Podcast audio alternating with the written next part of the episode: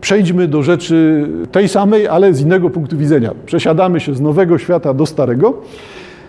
Może tutaj Francuzi pokazują, że nie jest potrzeba 500 stron o 100 latach seksu, bo tutaj to się odbywa na jakichś 80 stronach, omówienie seksualności w XX wieku. I rzeczywiście ta seksualność jest omawiana przez przedstawicieli Starego Świata w sposób całkowicie inny. Może bliższy nam, ale też. Aha, ale jakim nam? Aha, no dobra. Różnica będzie polegała na tym, że te podziały, które widoczne są w Stanach, to jest coś, co Polakom naprawdę odpowiada. I dlatego Polaków tylu w Stanach jest bo tam potrafią siebie bardzo mocno określić, zapisać do grupy, do pewnego światopoglądu, wyrazić barwnie. Te, te popisowe rzeczy Polonii w Stanach w postaci Dni Polonii, tego wędrowania w biało-czerwonych flagach i strojów narodowych, takiego pokazywania, jesteśmy Polakami, jesteśmy z tego dumni, nie? no to mm, bardzo fajnie, szczególnie jak się siedzi w Stanach i ma inne dochody, inne warunki życia i niech zostanie ta duma bycia Polakiem. Dobra, ale Polakom to odpowiada. Najwyraźniej te tarcia, które tam dalej funkcjonują, e, to jest coś, co im pasuje do ich opowieści o życiu, ich opowieści o świecie. E, no to w takim razie najwyraźniej teraz będę mówił o tych Polakach, które, którzy nie wybierają się mieszkać w Jackowie i nie mają zamiaru tam wciągać co rano biało-czerwonej flagi pod amerykańską w ogródku. Jesteśmy we Francji. E, dalej to jest XX wiek. Punkt wyjścia jest zaskakująco inny. E, bo jest przede wszystkim o 2000 lat starszy. Amerykanie niestety nie mogą takich rzeczy zrobić. E, od czego zaczyna e, badacz francuski analizowanie seksualności? Od mitu greckiego. I to wcale nie oznacza zaraz, że będzie nam analizował historie miłosne w postaci e, chociażby Iliady albo Odysei, znaczy kobieta jako przyczyna wojny, albo kobieta, która tak wytrwale czeka w drugim z tych e, poematów. Zaczynamy od narcyza, bo rzeczywiście tutaj interesującą rzeczą tłumaczącą to, w czym jesteśmy, tak jak moje uwagi o telewizji na podstawie tego Maglaana. Tak samo i tutaj. Właśnie zajęcie się narcyzem jest ciekawą rzeczą, mitem narcyza. No to trzeba sięgnąć do mitu. Terezjasz powiedział: Dziecko lepiej by żyło, gdyby się sobie nie przyglądało. Mamy jednego z no, ludzi posiadających wiedzę tajemną, kapłanów, jasnowidzów, Terezjasz, e, który stwierdza, że najlepiej byłoby odciąć się od siebie, nie rozpoznawać siebie. Ciekawa linia, bo ona pokazuje też nie rozpoznawać fizyczności. Bo fizyczność możemy poznać tylko w sposób wtórny, znaczy można się przyjrzeć dłoni, ale nie można się przyjrzeć twarzy. Wobec tego tutaj może lepiej było nie poznawać tego. No to co z tego wynika dalej? Nieświadom swojej urody narcyz zignorował kobiety i nimfy oczarowane jego pięknością. Ciekawe dla mnie w tej opowieści o narcyzie jest to, że jest ona robiona językiem współczesnym, czyli będą się pojawiały kategorie seksualności, których nie ma w micie greckim. Bo w micie greckim mamy opowieść, no tak się w sobie zakochał i siedział tam, patrzył i w końcu z tego powodu zmarł. Siedział, patrzył w swoje odbicie w wodzie i taki finał. Nie ma natomiast kategoryzacji, a tutaj będziemy mieli ciągle właśnie seksualne kategoryzacje. Stąd jeszcze raz, y, to nie jest opowieść o narcyzie, tylko opowieść o rozczarowaniu, które y, wyrządził kobietom. Nieświadom swej urody narcyz zignorował kobiety i nimfy oczarowane jego pięknością. Zrobił im krzywdę, tak, pozbawił je czegoś. Jedna z nich, Echo, zapadła na anoreksję. No, Grecy tak na pewno tego nie powiedzieli, ale, ale no tak, to jest zgodne z prawdą, bo rzeczywiście opowieść o echo jest opowieścią o zanikaniu kobiety. Znikaniu, tak, rozpuszczaniu się. Kobieta, która tak mocno tęskni, doświadcza emocji, że znika. Ale my współcześnie będziemy widzieli w tym anoreksję. No może być, źle, źle nie jest. E, jedna z nich, nimfa o imieniu Echo, zapadła na anoreksję. Jej ciało malało, aż w końcu uległo unicestwieniu. Ocalał jedynie głos. Stąd mamy też to echo, tak w języku polskim, słowo znane. Odepchnięte dziewczęta odwołały się do Nemezis, upoważnionej przez bogów do tropienia i karania wszelkiego nieumiarkowania zagrażającego porządkowi rzeczy oraz hierarchii. No bo tutaj ten narcyz, który się odcina, wycofuje, pozbawia innych siebie, no jest kimś, kto niszczy społeczeństwo. No więc pojawia się Nemezis jako ta bogini kary, zagłady, która ma sprawiedliwie teraz zarządzić. Narcyz przejrzał się w lustrze wody i zakochał się w sobie śmiertelnie, nie mogąc oderwać od siebie oczu. To akurat z jeden do jeden znamy. E, nawet przekraczając wody Styksu, wykorzystał okazję, by przejrzeć się w nich po raz ostatni. W wersji beockiej, no, to jest jedna z krain w Grecji, zróżnicowanie mitologii. E, w wersji beockiej Narcyz, mając dość zalotów pięknego Ameiniasa, ofiarowuje mu miecz, którym ten odbiera sobie życie, nie zapominając jednak wezwać Nemezis, która przekonawszy go o bezowocności miłości własnej, popycha go do samobójstwa. Czyli tu na dodatek jeszcze mamy homoseksualne wątki włączone. Nie? Zauroczenie nie dotyczy tylko kobiet. Skoro to jest zauroczenie w sobie, no to zauroczenie narcyza w sobie jest też homoseksualizmem, jeżeli to nie, nie zabrzmiało na początku. No to, że ktoś się zakochuje w sobie, to zakochuje się w przedstawicielu tej samej płci. No to jest dalej homoseksualny obiekt. Jakby, no to akurat no tak, tak też brzmi w mitach greckich. E, według Pauzaniasza Narcyz był zakochany w swej siostrze, która wyglądała niczym jego brat bliźniaczy. I tu już mamy modyfikację mitu, że jednak to jest miłość do siebie, ale do siebie w tej samej osobie. W siostrze bliźniaczce. Wygląda tak samo jak lustro, więc mamy miłość do. No i znowu mamy te kategorie seksualne, bo docieramy do kazirodztwa tym razem. Gdy dziewczyna zmarła, siostra, bliźniaczka. Gdy dziewczyna zmarła, narcyz w nieruchomych wodach szukał jej oblicza i tak wpadł w pułapkę. Czyli utopił się szukając siostry, nie siebie, ale w siostrze szukał siebie. I znowu się sprawa zamyka.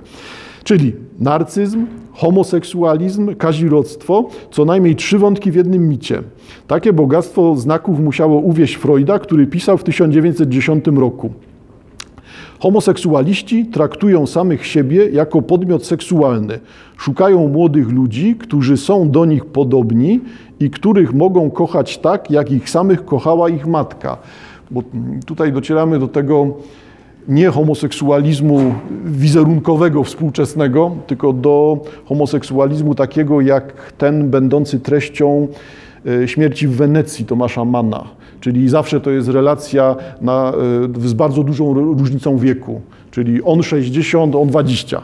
Nie? I tu jest ta relacja taka typowo homoseksualna, typowa w kulturze starego świata. Że to nie są relacje e, partnerskie jakieś tam między rówieśnikami, tylko właśnie wdające się jeszcze w ten kontekst.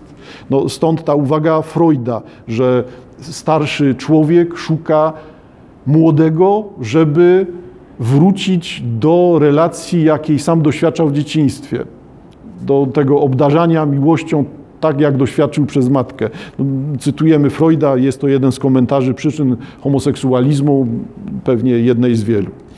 Stąd, proszę Państwa, to ten wątek seksualności a lustra, związanej z lustrem, e, będzie dla Francuzów istotny. No nie chciałbym być aż taki szowinistyczny, że to Francuzi tylko siebie oglądają, jak wyglądają. Każdy z nich bardzo jest zadbany zewnętrznie, to akurat zgodne z prawdą, no ale może to jednak nie, nie należy tego aż tak e, jednoznacznie pokazywać.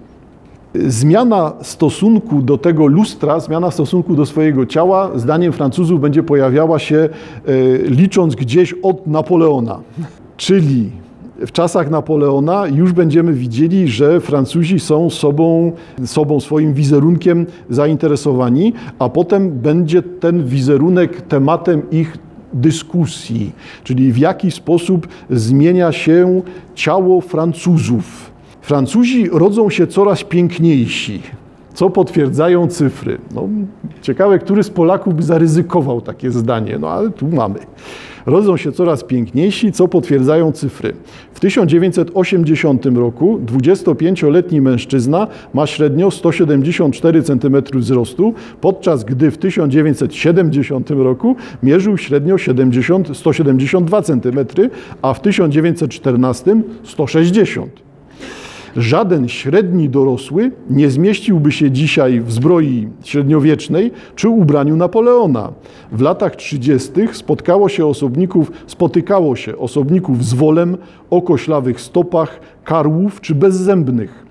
Estetyczna poprawa całej ludzkości jest faktem, choć również utrwala ona społeczne nierówności.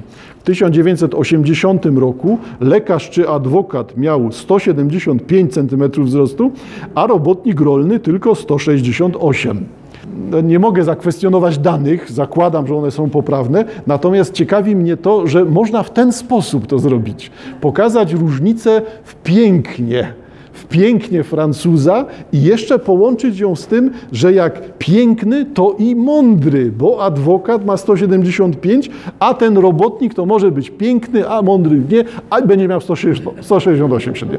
No ciekawa naprawdę historia, może i zgodna z prawdą, tak, ale, ale to taka prawda statystyczna.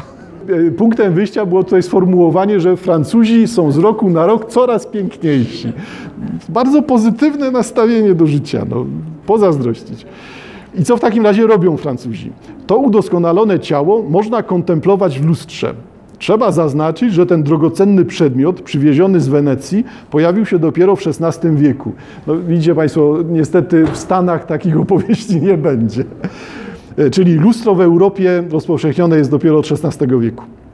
E, chodzi oczywiście o drogocenny przedmiot w postaci kryształu z wyraźnym odbiciem, a nie wypolerowany kawałek metalu. To było wcześniej. To też w okresie międzywojennym w przeciętnym mieszkaniu chłopskim lub robotniczym jako rzecz rzadka i droga znajdowało się jedynie niewielkie lusterko zawieszone nad miednicą i służące przede wszystkim do golenia. Tylko wśród warstw zamożnych spotyka się wielkie lustra, w których można się przejrzeć od stóp do głów. Parafrazując Freuda, można zatem mówić o historycznym stadium lustra, którego obecność wśród całej populacji notuje się stosunkowo od niedawna. Własnej tożsamości nie trzeba się już doszukiwać w spojrzeniu drugiej osoby. Można ją kontemplować w dużym lustrze w łazience. I pojawia się dalszy rozwój społeczeństwa, którego rozwój wyznacza powszechność luster. To jest rzeczywiście ciekawe, bo patrząc na to tylko z tego punktu widzenia, to awans społeczny jest awansem właśnie liczonym w lustrach. Na pewno byliście Państwo kiedykolwiek nawet w Pszczynie. No, no to tam widać, że status społeczny jest pokazywany w ilości luster. Jak potrafisz mieć salę w całości z luster, jesteś na szczycie. Tak, bo, ale jednocześnie nie chodzi o samo posiadanie luster, tylko chodzi o spełnienie przez obraz. Jesteś najpiękniejszy, jesteś doskonały, musisz mieć lustra, które zawsze, wszędzie cię odbijają, ponieważ wzrasta estetyka świata, w którym żyjesz. Ty jesteś pięknem tego świata. Wobec tego lustra lepsze od obrazów no bo ty jesteś najpiękniejszy, lustra zwielokrotnią poziom piękna. E, oczywiście zakładamy, że tak jak Państwo mówiliście, że to rzeczywiście jest ktoś, kto jest chociaż tam ładny, już nie mówiąc o tym, że przystojny. Zmiany, które tutaj będą, zdaniem Francuzów, takie najważniejsze, będą e, za chwileczkę przeskakiwał, będzie autor przeskakiwał e, zarówno do ciała kobiecego, tłumacząc na czym polega w Starym Świecie zmiana w związku z ciałem kobiety. No bo ciało kobiety no tam nie używamy brutalizmów, ale powinno być niewidzialne, tak, w taki sposób. No bo niestety według tych myśli czysto średniowiecznych to są one bardzo brutalne że kobieta to taki jeden wielki worek w myśli sprzed tysiąca lat zostawmy sobie. E, wobec tego ta konieczność ukrywania, przykrywania, chowania jest tutaj kulturowo bardzo zaawansowana. To w jakiś sposób tłumaczy, na czym polega ten, ta ogromna energia włożona w modę kobiecą. Właśnie w to, w to rozwijanie przykrywania, chowania albo grania tym. Tak? Przykryć, ale odkryć. To jest ta, ta, ta sensowna filozofia strojów kobiecych. E, ciało kobiece. Kościół odnosił się nieufnie do, obsesji, nieufnie do obsesji czystości. Przecież odkrycie własnego ciała może pobudzać do dotykania lub wzbudzić pragnienie poznania ciała drugiej osoby. Nawet w rodzinach zamożnych w latach 30., jesteśmy w XX wieku stale, w latach 30. obowiązywała kąpiel raz w tygodniu. Dzieci zmieniały bieliznę raz na tydzień. Świat był pełen rozmaitych woni. Ukochaną osobę rozpoznawało się po zapachu jej stóp. Dziś można się orientować jedynie po zapachu dezodorantu. W środowiskach wiejskich nie mówiło się o menstruacji, ale o niej wiedziano. Cytat z badań.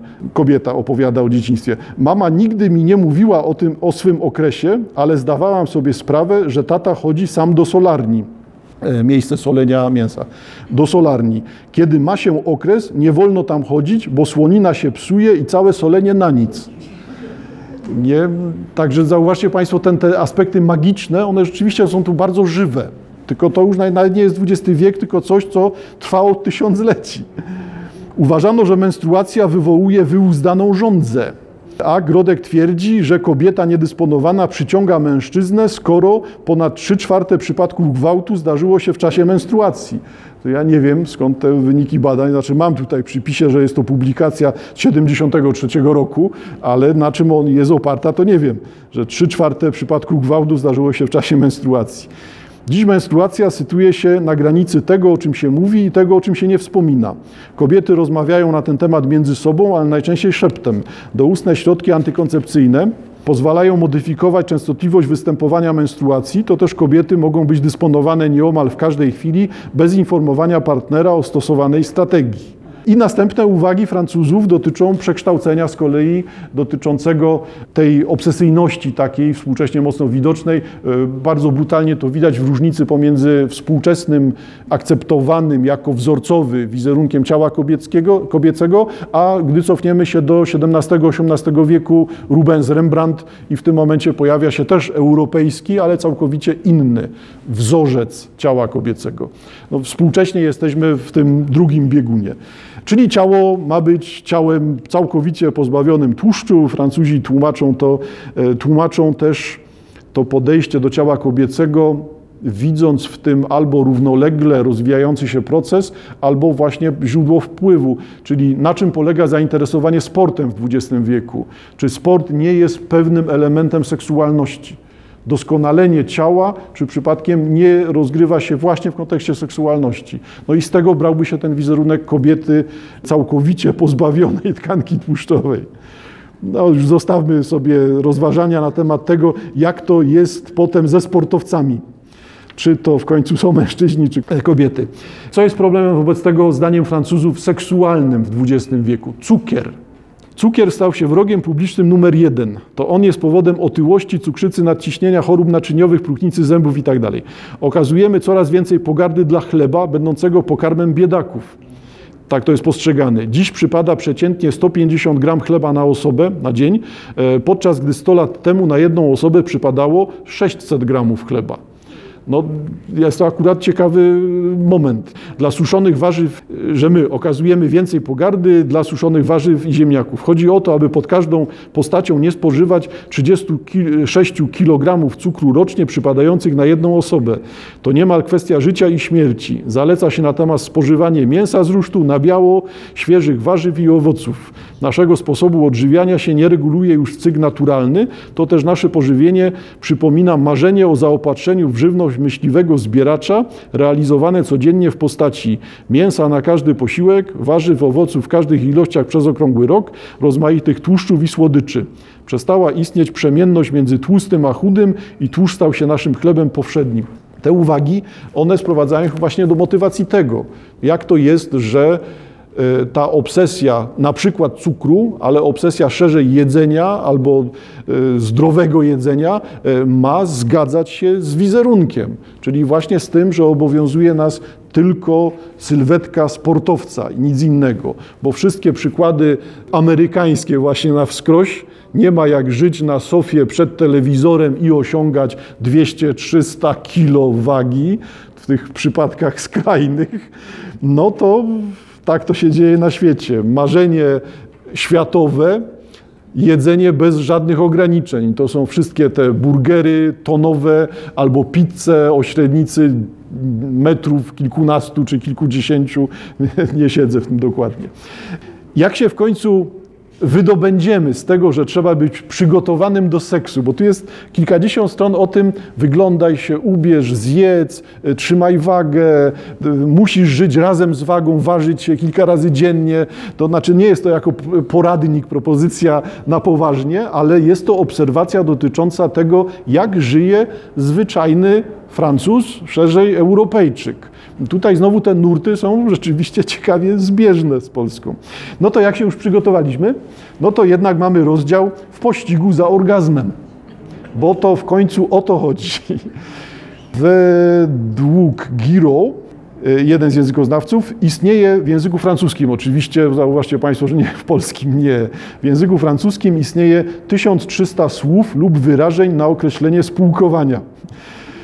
Ciekawie to naprawdę brzmi po polsku, że słowo spółkowanie pojawia się w kontekście 1300 określeń francuskich. No, urocze. No więc 1300 słów wyrażeń na określenie spółkowania, 550 na określenie penisa i tyle samo odnośnie żeńskiego organu. Słownik Grand Robert definiuje orgazm z greckiego orgazma, który jest pochodną czasownika organ, czyli wrzeć znamiętności. W Polsce nie istnieje chyba w ogóle świadomość znaczenia słowa orgazm. Wrzeć znamiętności definicja w języku francuskim jako najwyższe studium, stadium podniecenia seksualnego. Słowo to odnosi się zarówno do mężczyzn, jak i do kobiet, ale w wypadku kobiet zdaje się trudniej osiągalne. Dlatego też zapewne mężczyzna próbuje szukać w spojrzeniu partnerki przejawów osiągnięcia rozkoszy wyrażających się takimi powszechnymi lub gwarowymi określeniami jak wywracanie oczami, pokazywanie białek, postawienie oczu w słup, wychodzenie oczu na wierzch i tym podobne. Ta proliferacja leksykalna, często metaforyczna, oj naukowiec, metaforyczna, bywa wykluczana z przyzwoitego słownictwa, kontrastując z rezerwą słowników ogólnodostępnych. Petit Larousse, 70, wydanie z 78 roku, określa seksualność jako zespół specyficznych cech wewnętrznych lub zewnętrznych prezentowanych przez osobników i zdeterminowanych ich płcią. Jest to sformułowanie cokolwiek abstrakcyjne, które nie jest w stanie pobudzić wyobraźni licealistów. Jednakże Michel Foucault wzywa nas do zastanowienia się nad wielomównością przemilczeń. Doznane przez kobietę uczucie rozkoszy, niepotrzebne do prokreacji, nieznane i potępiane przez Kościół, nagle zaczyna zaprzątać uwagę wszystkich, a między innymi i tych, którzy ośmielają się o tym mówić. W XVII wieku Weret opisuje kobiety jako z natury bardziej rozwiązłe od mężczyzn, a Mała Biblia Młodych Małżonków, publikacja z XIX wieku, zachęca do poszukiwania sposobu osiągnięcia wspólnego orgazmu. Jeszcze do niedawna kobieta, która nie kochając partnera doznawała rozkoszy seksualnej, była uważana za nimfomankę, podczas gdy żonaty mężczyzna uczeszczający do domów publicznych uznawany był za normalnego. Mężczyzna w znaczeniu wir, czyli prawdziwy mężczyzna, jest istotą nieskomplikowaną, nagminnie mylącą ejakulację z pojęciem akme. No i Francuzi tego nie muszą tłumaczyć. Ejakulacja oczywiście, tak, wytrysk, a akme, w Polsce znowu to sformułowanie nie istnieje, przynajmniej ja nie trafiłem na to w potocznym obiegu. Akme, szczyt osiągnięcie maksymalnej satysfakcji, poziomu czegoś. Akme jest uniwersalnym stwierdzeniem, czyli jeżeli ktoś e, rozwija się finansowo, zdobywa majątek, to w pewnym momencie następuje akme no i potem następuje przesilenie. Czyli to jest jakby uniwersalne sformułowanie Bogiem a prawdą wywodzące się od nazwy czubka noża coś, co jest na samym szczycie. Czyli e, mężczyzna myli ejakulację z pojęciem akme. Zjawiskiem historycznie nowym jest podkreślanie przez kobiety ich seksualności i dyktowanie książki zażaleń na ten temat. Masters i Johnson donoszą, że w latach 50. ich pacjentami byli wyłącznie mężczyźni uskarżający się na rozmaite niedomogi seksualne, takie jak niemoc czy przedwczesny wytrysk. Natomiast od lat 60. coraz częściej zjawiają się w gabinetach kobiety uskarżające się na niemożność lub sporadyczność osiągnięcia orgazmu. Z kolei od lat 70. według tych samych autorów pojawia się nowy niepokój, który określają jako niepokój dotyczący braku fizjologicznej możliwości bycia skutecznym ale ciekawie brzmi. Co oznacza, że po rozwiązaniu problemów fizycznych pozostaje problem zdolności seksualnych, które dają, zdaniem jednostek, bardzo nierówne wyniki. Dwoje ludzi musi odtąd dobierać się zgodnie z harmonią seksualną. Małżeństwo nie tylko podlega nakazom obowiązku wzajemnego oddania się i nie tylko koncentruje się na dziecku jako głównej ostoi małżeńskiej struktury. Mamy tu do czynienia z przesunięciem wartości na rzecz indywidualnego lub małżeńskiego narcyzmu. Poszukiwanie zgodności seksualnej jest propagowane przez całą machinę mass mediów na zmianę z instytucjami poradnictwa, powiernictwa, udzielania informacji. I mamy, proszę Państwa, przegląd e, przegląd kolejnych niepokojących rzeczy, e, aż wreszcie Francuzi właśnie dochodzą w ostatnim zdaniu, poprzez przegląd oczywiście wszystkich tam perwersji, nieperwersji, dziwnych klasyfikacji z tym związanych, e, dochodzą do tej propozycji, o której wspominałem przy okazji wzmianki o Prinsie. Czyli seksualność jest kontrolowana społecznie, jest tematem dyskusji społecznej i wszyscy chcą mieć na nią wpływ. Rządzić ludźmi przez seksualność. Zakazać, nakazać, zezwolić, nie zezwolić, wyróżnić, bo mu wolno, a tamtemu nie wolno i nagle mamy całą dużą grupę zagadnień. I wreszcie Francuzi y, zamykają te rozważania, zwracając uwagę na zmianę ról, do to dążenie w stronę jednopłciowości. Role są zamienne, zarówno ojca i matki, jak i partnerów seksualnych. Rzecz ciekawa, że tym jedynym obowiązującym wzorcem jest wzorzec męski. Sylwetka młodej kobiety przypomina sylwetkę chłopięcą. Straciła krągłe formy zachwycające artystów od XVI do XIX wieku. Twierdzenie ma charakter niezaprzeczalny. Czy rzeczywiście jest taka prawda? Czy to raczej prawda pozorna? Istotnie w dawnych czasach pewne obszary miały charakter jednopłciowy. Wiktoriańskie puby i kluby wzbraniały wstępu kobietom. Francuskie bistra gromadziły mężczyzn, a kobiety, które je czasem odwiedzały, uchodziły za nieobyczajne wiejskie pralnie broniły wstępu mężczyznom, niespokojnym o charakter zwierzeń, jakie tam robiono, jakich wysłuchiwano. Ta segregacja należy dziś do przeszłości. Stopniowo zawody typowo męskie e, oraz wyższe uczelnie stawały się dostępne i dla kobiet. Również odwrotnie mężczyźni wniknęli w obszary, które tradycyjnie należały do kobiet.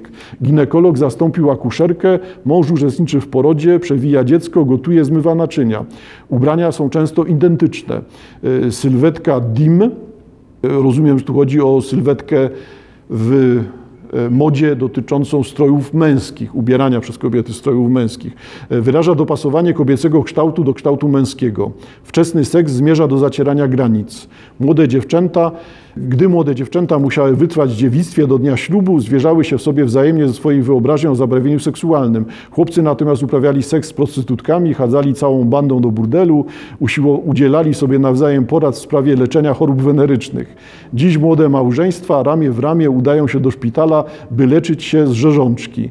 Ankieta, koniec XX wieku, e, robiona wśród Francuzów, ujawnia bardzo wysoki stopień porozumienia między obiema płciami. I to zacieranie ról płciowych, zdaniem Francuzów, jest tutaj gdzieś finałem. Czyli ostatecznie e, wszystko staje się tutaj takie samo i teraz w zależności od nas zależy, czy to jest wniosek dotyczący tego, wszystko takie samo, czyli mamy unifikację, zacieranie granic i wszyscy mają jedną płeć, e, czy takie samo, bo mamy tak skrajną demokratyzację tego zjawiska, że nagle, nie wiem, dzieci rozmawiają z, rodzicach o z rodzicami o satysfakcjonującym seksie. No, w Polsce tam za bardzo to nie funkcjonuje jeszcze, e, jeszcze pewnie długo nie. E, natomiast tutaj pojawia się to jako propozycja będąca wnioskiem z XX wieku. Jakby seksualność wpisana jest w kategorię diety, bo to, co robili Francuzi tutaj najwyraźniej, na tym polega. No, tak jak dbasz o tężyznę fizyczną, kontrolujesz cukier, kontrolujesz wagę, no to na tej samej półce masz też, masz też seksualność, erotyzm i tak samo do tego podchodzisz ogarnąć, ustawić, e, pomóc, e, wspomóc, e, znaleźć się w tym na zasadzie jakby zupełnego spełnienia potrzeb.